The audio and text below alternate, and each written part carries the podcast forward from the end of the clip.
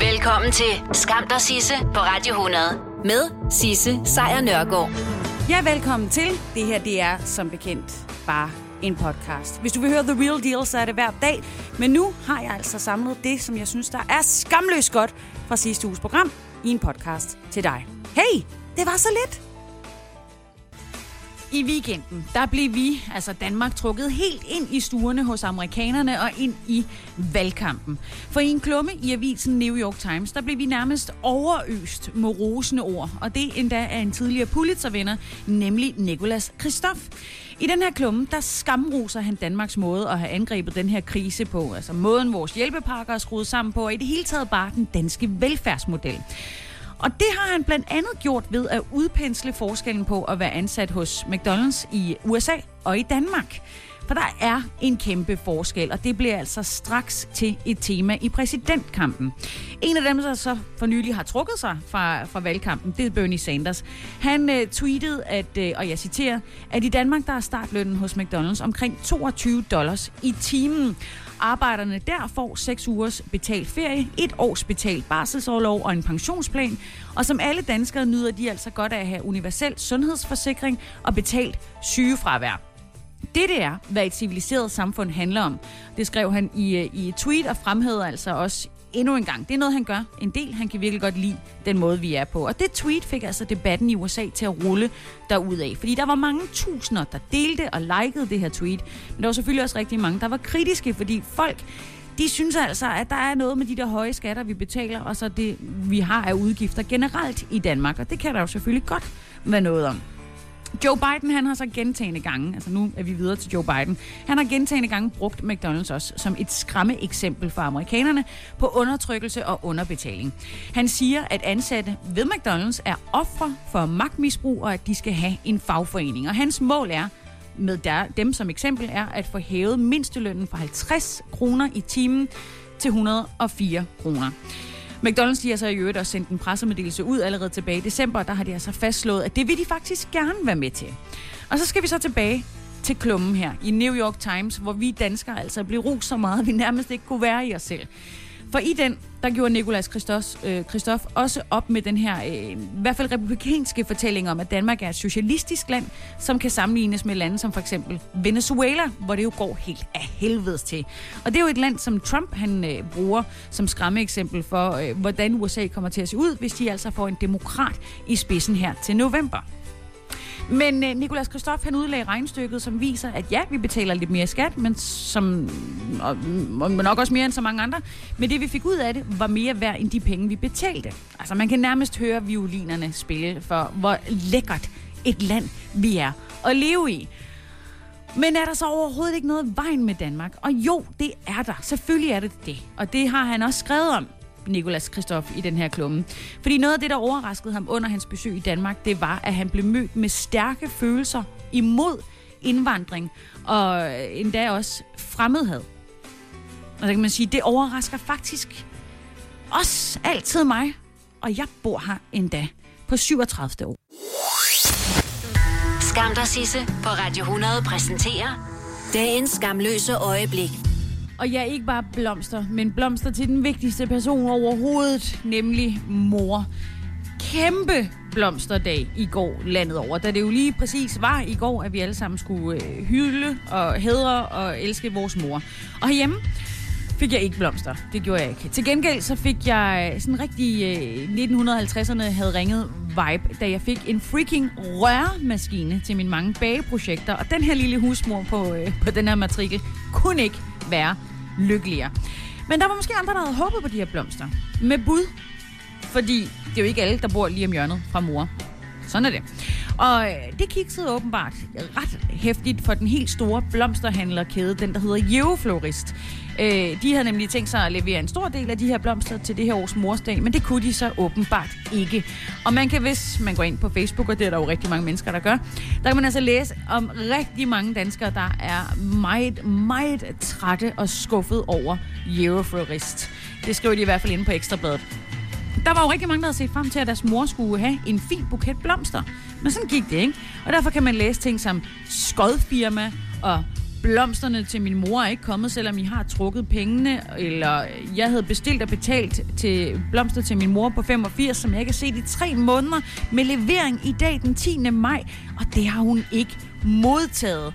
Trods I skrev, at den kunne leveres. Og det vælter altså med mere af den slags kommentar inde på deres øh, Facebook-side. Og på deres hjemmeside, der står der også, at man øh, selvfølgelig kan forvente sin øh, bestilling leveret på mors dag. Og Blomster til mor er jo et sikkert hit, og vi leverer selvfølgelig på selveste mors dag den 10. maj. Men det gjorde de ikke. Ekstrabladet, øh, den øh, søde avis, har altså forsøgt at kontakte firmaet, men har modtaget sådan en standard mail som svar, hvor i firmaet skriver, at man alligevel ikke kan forvente en levering på morsdag, fordi det er surprise en søndag. Og der kan man jo bare undre sig over som forbruger, og som avisen Ekstrabladet også skriver, at et firma lover levering på morsdag. En dag, der i øvrigt er skabt af blomster, øh, sælger verden over, men samtidig så kan de ikke garantere blomsterne på morsdag, fordi morsdag ligger på en søndag, og morsdag falder altid på en søndag. Det er nemlig altid den anden søndag i maj. Men hvis du ved, at din mor ikke har modtaget blomster, som du har bestilt til hende via det her firma, jamen så må det jo være, fordi du har været i kontakt med hende, og dermed fået sagt glædelig morsdag til hende. Og så ved hun jo alligevel, at blomsterne er på vej, og man kan jo sige, at forventningens glæde uh-huh, er den sødeste, ikke? Skam dig, Sisse, på Radio 100 præsenterer Skamløse fornøjelser. Med mere end 30.000 døde er Storbritannien altså ekstremt hårdt ramt af coronakrisen. Og det kræver jo, som det kræver alle steder, at der er afstand på menneskerne, så de ikke smitter hinanden. Og øh, det er lige nu noget, der i den grad er ved at gå op i et spids et bestemt stykke sted, nemlig i landets mange havecentre. Fordi ja, når der skal være afstand på mennesker, så skal der altså være lukket de her havecentre, og det har altså nået et punkt nu, hvor britterne er blevet vrede. Fordi under normale forhold, så er britterne et meget havefixeret folk. Øhm, der er konkurrencer om bedste haver, folk går virkelig meget op i det. Men med pandemien og den her nedlukning, så er haveinteressen steget til rekordhøjder. Ifølge officielle statistikker, så bruger britterne mere tid på blomster og planter end noget andet. Det gælder jo også medlevning og læsning. Altså det er der, britterne gerne vil være. Men øh, mens britterne de prøver at kæmpe sig igennem den her coronakrise med jord på fingrene, så er havecentrene blevet et meget betændt emne i den politiske øh, debat om genåbningen af England og Storbritannien generelt. Fordi før krisen, så var havecenter og planteskoler et af premierminister øh, Boris Johnsons yndlingssteder at møde sine kernevælgere. Han vidste, de ville være der, og der vil altid være mange af dem. Men nu lægger parlamentsmedlemmer, der er altså nervøse for økonomien omkring hele denne havebrugsindustri, pres på regeringen for at lade britterne komme ud igen og købe planter og frø. Og presset af spørgsmål om havecentrene, der sagde udenrigsministeren, det er ham, der hedder Dominic Raab, han sagde forleden i parlamentet, at han godt kan se alvoren. Det er havecentrene, hvor i øh, slaget skal stå, så han forstår fuldstændig, hvorfor det er så vigtigt for britterne, både økonomisk og socialt. Senere, der lød det altså, at nu regner man med, at regeringen i London simpelthen giver grønt lys, så havecentrene, som de allerførste forretninger, igen kan få lov til at lukke kunderne ind. Altså, screw the rest. Vi skal bare have noget grønt at se på, og der skal være noget lækkert til britternes haver. Og man regner altså med, at premierminister Boris Johnson i aften kl. 20 dansk tid går ud og melder lige præcis det ud. Havecentrene er back in business, og det er det bedste, man kan give britterne i den her tid. Mens vi altså må dykke ned i øh, buffeterne igen, øh, vi må shoppe ude i detailhandlen, og vi må spille fodbold og svide sammen med andre lige om lidt, så står de store dyreparker tilbage og ser deres forretning gå mere eller mindre op i, øh, i røg. Og det er svært at forstå, hvorfor man må mødes hen over en buffet, men man må ikke stå med en meter imellem sig og, og mødes hen over en chimpanse eller en, eller en panda, eller hvad vi nu har. Og det har altså også fået de her store institutioner til at, at samle sammen, fordi uden indtægt, så kan de jo ikke fodre dyrene, og de risikerer at skulle aflive. For eksempel så lød det sådan her på, øh, på Den Blå Planets hjemmeside for tiden. Som det lige er meldt ud, er Den Blå Planet Danmarks Akvarium ikke blandt de institutioner, der får lov til at åbne nu. Det er katastrofalt for os, og vi risikerer at gå konkurs. Som situationen er lige nu, så løber vi tør for penge til september og skal i sidste ende dreje nøglen om.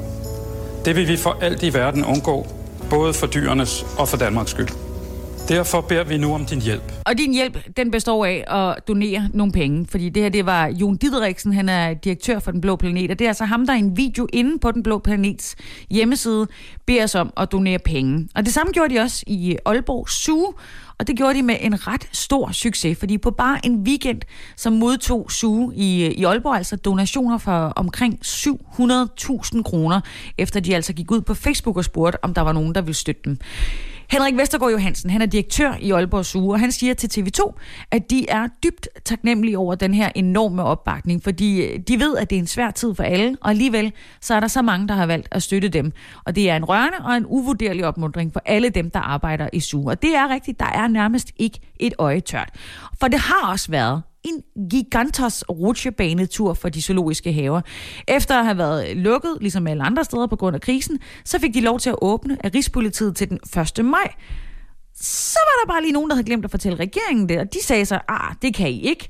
Så i stedet for så åbnede, øh, satte de på at åbne her den 14. maj, men den her fase 2 af genåbningen, som blev lanceret her i sidste uge, eller i slutningen af sidste uge, den sagde jo ligesom, nej, det kommer ikke til at ske, og nu satser de altså på at få lov at åbne den 8. juni. Men det ændrer jo ikke på, at de her dyr skal spise, og deres øh, ansatte skal have mad. Og SUE har altså modtaget donationer fra mere end øh, 11.500 mennesker, altså SUE i Aalborg. Og øh, alene søndag, der var det 623.000, der røg ind i, øh, i foderboksen, og det er altså ret mange penge skal det altså handle om en død kat. Ja, en død kat i form af en historie, jeg fortalte om i sidste uge, nemlig historien om den britiske forsker og rådgiver for parlamentet, fyren, der hedder Neil Ferguson. Han havde været med til at udstikke alle de her retningslinjer, som, øh, som britterne skulle følge under krisen, men så fejlede han selv eklatant i at følge de selv samme regler. Han øh, var den forsker, som overbeviste vores øh, gode ven i, øh, i Storbritannien, premierminister Boris Johnson, om at tage coronavirusen alvorligt. Men han havde så samtidig også haft besøg under den her krise af sin elskerinde der udover at være med i en anden smittecirkel, nemlig hendes egen familie, øh, derudover også måtte krydse hele London i offentlig transport, og det var ikke i orden medmindre der selvfølgelig var et tvingende nødvendigt onde, og det er stævnemøder desværre stadigvæk ikke. Så han røg ud eller han sagde selv op, og så var det ligesom det. Men det var det slet ikke, fordi hans historie den kom så belejligt for premierministeren, at oppositionen nu er ude og råbe, død kat. Hvad, tænker du så måske? Død kat? Ja, en død kat. Det er et øh, billede på et møde, hvor man har nogle rigtig dårlige nyheder at, at komme med, men så smider man en død kat på bordet i stedet for, og så ryger de vigtige emner ligesom af bordet, fordi, ja, død kat.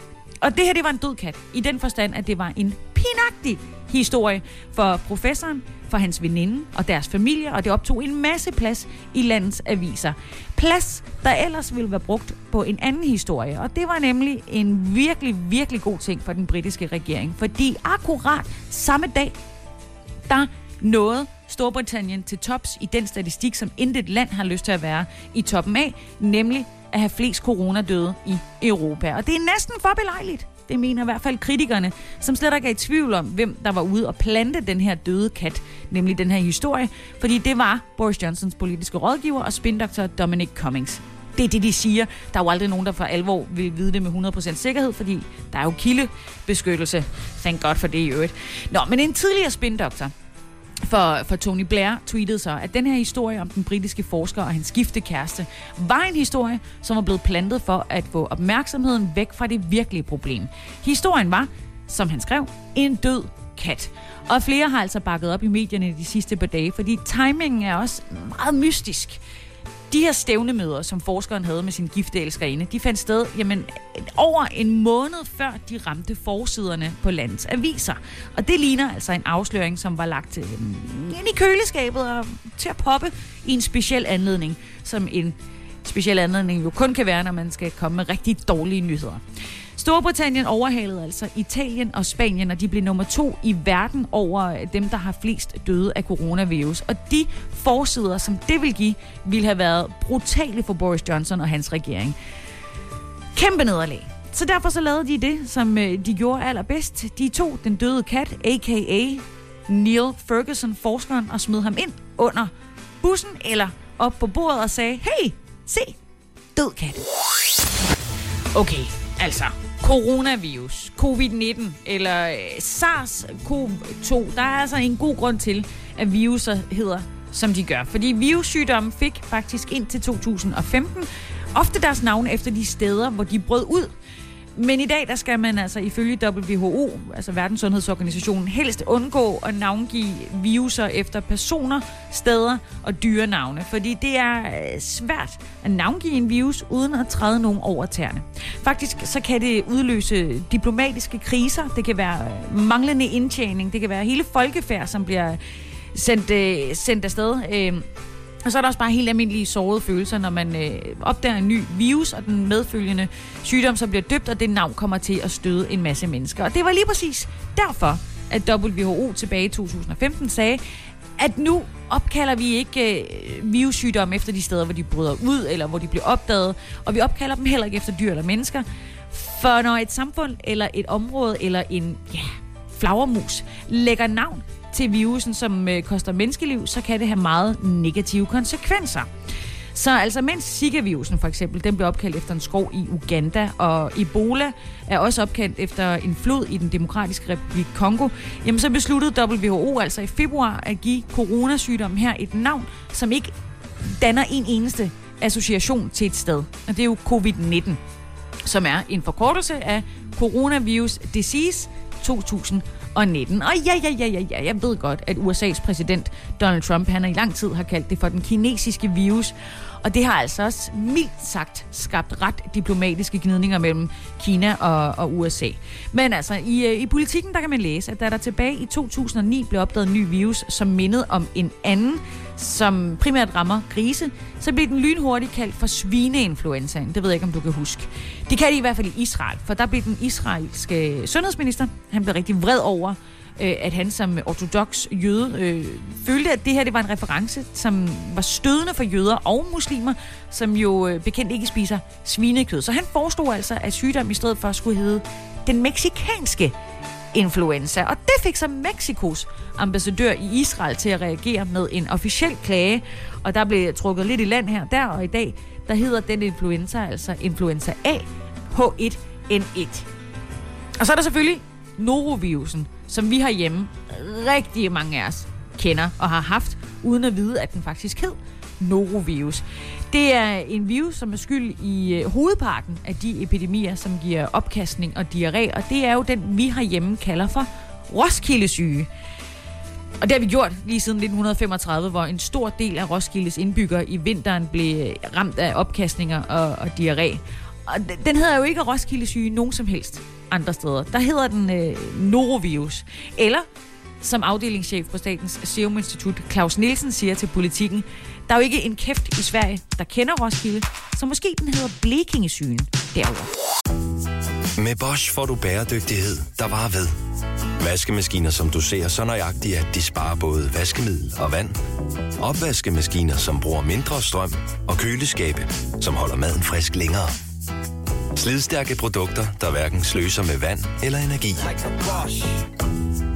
Harald Nyborg. Altid lave priser. 20 styk, 20 liters affaldsposer kun 3,95. Halvanden heste Stanley kompresser kun 499. Hent vores app med konkurrencer og smarte nye funktioner. Harald Nyborg. 120 år med altid lave priser. Du vil bygge i Amerika? Ja, selvfølgelig vil jeg det. Reglerne gælder for alle. Også for en dansk pige, som er blevet glad for en tysk officer. Udbrændt til kunstner. Det er jo sådan, har tørt, han ser på mig. Jeg har altid set frem til min sommer. Gense alle dem, jeg kender. Badehotellet den sidste sæson. Stream nu på TV2 Play. Haps, haps, haps. Få dem lige straks. Hele påsken før, imens billetter til max 99. Haps, haps, haps. Nu skal vi have... Orange billetter til max 99. Rejs med DSB Orange i påsken fra 23. marts til 1. april. Rejs billigt, rejs orange. DSB, rejs med. Haps, haps, haps. Skam dig, Sisse på Radio 100 præsenterer Skamløse fornøjelser. Der er jo nogle af os, som har kastet os over et instrument her under den her lockdown, hvilket har fået vores familier til at længtes endnu mere efter en genåbning af vores samfund. Men hvor nogle af os måske ikke har klaret det så godt, så der kan jo være der andre, der har klaret det rigtig godt, og måske leder efter noget at opgradere sin musikstil med. For eksempel kunne det jo være en ny guitar. Og har du ikke øvet dig så meget, at du fortjener en ægte lækker guitar lige nu? Hvad med en guitar, som emmer af historie? For eksempel historien om den ikoniske MTV Unplugged-koncert i 1993 med Nirvana.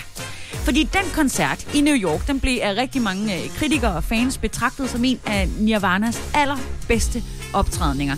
Det var så vidt, at Rolling Stones Magazine skrev, at øh, Kurt Cobains performance, det var hans sidste selvportræt. Fordi blot fem måneder senere, den 5. april 1994, der begik øh, Kurt Cobain jo som bekendt selvmord i en alder af, af 27. Men musikken, den lever videre. Det gør den jo, så det er jo det, man gør. Og under den koncert, i 1993 i New York, MTV Unplugged, der spillede Kurt Cobain på en øh, flot brun western guitar af mærket Martin. Helt konkret en Martin D18E fra 1959. Og det er den, du kan købe nu. Det skriver CNN. Der er nemlig rigtig mange af Cobains øh, ejendele, som siden han stod er blevet solgt på øh, auktion. Og nu er tiden altså øh, moden til, at man også kan plukke hans Martin D18E fra 1959. Det sker et sted mellem den øh, 19. og 20. juni, der skal den under hammeren hos øh, Julians Auctions i Beverly Hills i USA. Og ja, måske er du helt op at svinge over det her og har lyst til at investere øh, din pensionsopsparing i den her guitar. Men du skal altså også have rimelig mange penge på kistebunden for at få erhverv den. Udbudsprisen lige nu er 1 million dollars. Og hvis man lige lynhurtigt regner om, jamen, så er det 6,8 millioner danske kroner. Altså næsten 7 millioner kroner for en, en guitar. Og det er udbudsprisen, fordi aktionen kan jo sagtens hive den op, og så er der jo også en anden lille detalje i det her. Kurt Cobain, han var jo øh, som en af de meget få verdenskendte øh, venstrehåndet guitarist. Og derfor så er hans øh, guitar her også sat op til at blive brugt af en venstrehåndet. Og det er, øh, der er omkring 10-15 procent af verdens befolkning, der er. Altså sådan er naturlig venstrehåndet. Men er du også det, så kan der jo blive plads til dig i Hall of Fame ved siden af mennesker som Kurt Cobain og Jimi Hendrix, og ikke mindst øh, Paul McCartney, som vel og mærke stadigvæk er øh, i live i den grad. Men går det skidt, så kan du selvfølgelig bare lige lave den om. Det er nemlig oprindeligt en højrehåndsmodel, som altså er blevet lavet om til Kurt Cobain, så han kunne spille venstrehåndet på den. Jeg har så meget lyst til at sætte øh, uh, MTV Unplugged på øh, nu, men vi har den desværre ikke i vores system. Måske har du også arbejdet øh, hjemme det sidste lange stykke tid, og det kan være, at du går rundt og længtes efter dine kollegaer. Det kan også være, at du går og ikke gør og tænker, ah, bare det kunne fortsætte sådan her. Og sådan er der også andre mennesker, der har det derude. For eksempel er der rigtig mange i øh, den store, øh, ja, verdensomspændende firma er det jo faktisk, virksomhed, øh, Twitter. Det er et socialt medie, rigtig mange benytter sig af. Og når krisen er over, så vil en del af medarbejderne på Twitter, i Twitter, ikke længere vende tilbage til deres kontor. De ansatte på det her øh, sociale medier, de skal simpelthen ikke komme tilbage, har de fået at vide. De skal bare blive hjemme og de skal bare fortsætte med at arbejde. Fordi Twitter har været ude at sige, at deres ansatte skal arbejde hjemmefra efter krisen, nu og for evigt. Det er øh, den øh, administrerende direktør Jack Dorsey, som øh, sendte en mail ud til sine medarbejdere i går og fortalte dem, at øh, hvis de gerne ville øh, fortsætte med at arbejde hjemmefra permanent, så skulle de bare gøre det, også efter at coronavirusen er væk. Og selvfølgelig er der jo nogle jobs, som kræver, at man stadigvæk er på arbejdspladsen. Der er nogle møder, der engang imellem måske er meget godt lige at kunne se hinanden i øjnene med. Men ellers så bliver de bare hjemme. Og han siger faktisk også, Jack Dorsey, at det er noget, de har tænkt længe over inden virusen. Der var egentlig ikke nogen grund til, at folk de brugte tid hver morgen på at fragte sig igennem myldretrafikken for at sidde i et dyrt kontor i Silicon Valley, når de egentlig bare skulle online. Så de er blevet sendt hjem, fordi det fungerer strålende for virksomheden, det fungerer strålende for medarbejderne, de er mere produktive, de er gladere, og nu vil de altså som et af de første firmaer rent faktisk permanent flytte arbejdet hjem til deres ansatte. Og som mange andre steder, så var det jo ligesom noget, der blev presset på i begyndelsen af marts. Øh, alle de store tech-virksomheder, øh, alle virksomheder generelt, har jo sendt folk hjem. Men forskellen er nu bare, at Twitter har sagt, I bliver bare hjemme. Og da de gjorde det, så sagde deres HR-chef også, at virksomheden sandsynlighed aldrig vil komme til at være sig selv igen, eller de vil ikke arbejde på samme måde. Og øh, deres medarbejdere og chefer, de har altså set, at den måde, som det har fungeret på under den her lockdown, har gjort, at alle trives og sagtens kan holde sammen. Og derfor har de udover at have sendt medarbejderne hjem, også lige sendt en 1000 dollars, altså øh, cirka 6.800 kroner, til at erhverve sig lidt hjemmeudstyr for os. Gør, gør kontoret lidt fedt, gør det lidt hyggeligt. Og jeg vil bare sige herfra, kæmpe wow. Det lyder for fedt. Især efter en undersøgelse lige har vist, at lige præcis de der storrumskontorer, som venter rigtig mange af os, det er virusspredningens arnested. Det er der, hvor folk bliver allermest smittet. Så har man lyst til at vende tilbage til et storrumskontor? Nej, det tror jeg ikke. Mandag der sagde den russiske præsident Vladimir Putin i en tv-tale til den store nation, at så kunne de godt trække i arbejdstøjet igen, for i går, altså den 12. maj, der var den landsdækkende periode med arbejdsfri øh, dage slut for alle økonomiske sektorer i Rusland. Og Rusland har jo været i lockdown i seks uger. Butikker har været lukket, folk har arbejdet hjemmefra med påbud om at holde sig inden døre, og som i alle andre lande, så har det jo kunne mærkes. Ifølge Putin så er arbejdsløsheden i landet blevet øh, fordoblet på en måned til 1,4 millioner. Det er altså et tal, som præsidenten rigtig gerne vil undgå stiger yderligere. Men mens han snakkede om de tal, så var der flere medier, som hæftede sig ved et andet tal, nemlig et rekordhøjt tal i mandags, nemlig 11.656. Fordi det var det højeste antal nye smittede på en enkelt dag indtil da. Og det blev altså registreret samme dag, som Vladimir Putin han annoncerede, at nu skulle folk på arbejde igen. Men som så mange andre officielle tal i Rusland, så er det altså de færreste, som tror på, at det er det ægte tal. Mørketallet er, ifølge internationale eksperter, langt, langt højere. Rusland har lige øh, indtaget tredjepladsen i verden med øh, omkring øh, 235.000 bekræftede tilfælde af coronavirus. Og alligevel så er kun 2.116 mennesker officielt døde af den her virus. Og det er altså mindre end en tiende del af, hvad de har oplevet i Storbritannien, Italien og i Frankrig, som jo også har langt færre smittet end, øh, end Rusland. Og hvorfor er det så det? Det er fordi, de tæller på en anden måde. De tæller på en russisk måde, selvfølgelig. Fordi Danmark, der skal en afdød blot have været testet positiv for coronavirus for at tælle med i statistikken. Og i Belgien for eksempel, der har man også talt døde med på plejehjem, øh, alene, ud, altså, alene ud fra en mistanke om, at de kunne have været smittet med coronavirus. Men i Rusland, der skal det direkte påvises, at dødsfaldet skyldes coronavirus. Altså, og det skal altså ske ved en obduktion, det skriver The Moscow Times. Og det giver jo så nogle helt andre tal. Tag for eksempel Moskva og St. Petersborg. Der kan man se en uforklarlig stor overdødelighed. Det er mediet Financial Times, der har opgjort, at der i de to store byer døde 2.073 flere mennesker i april, end der historisk plejer.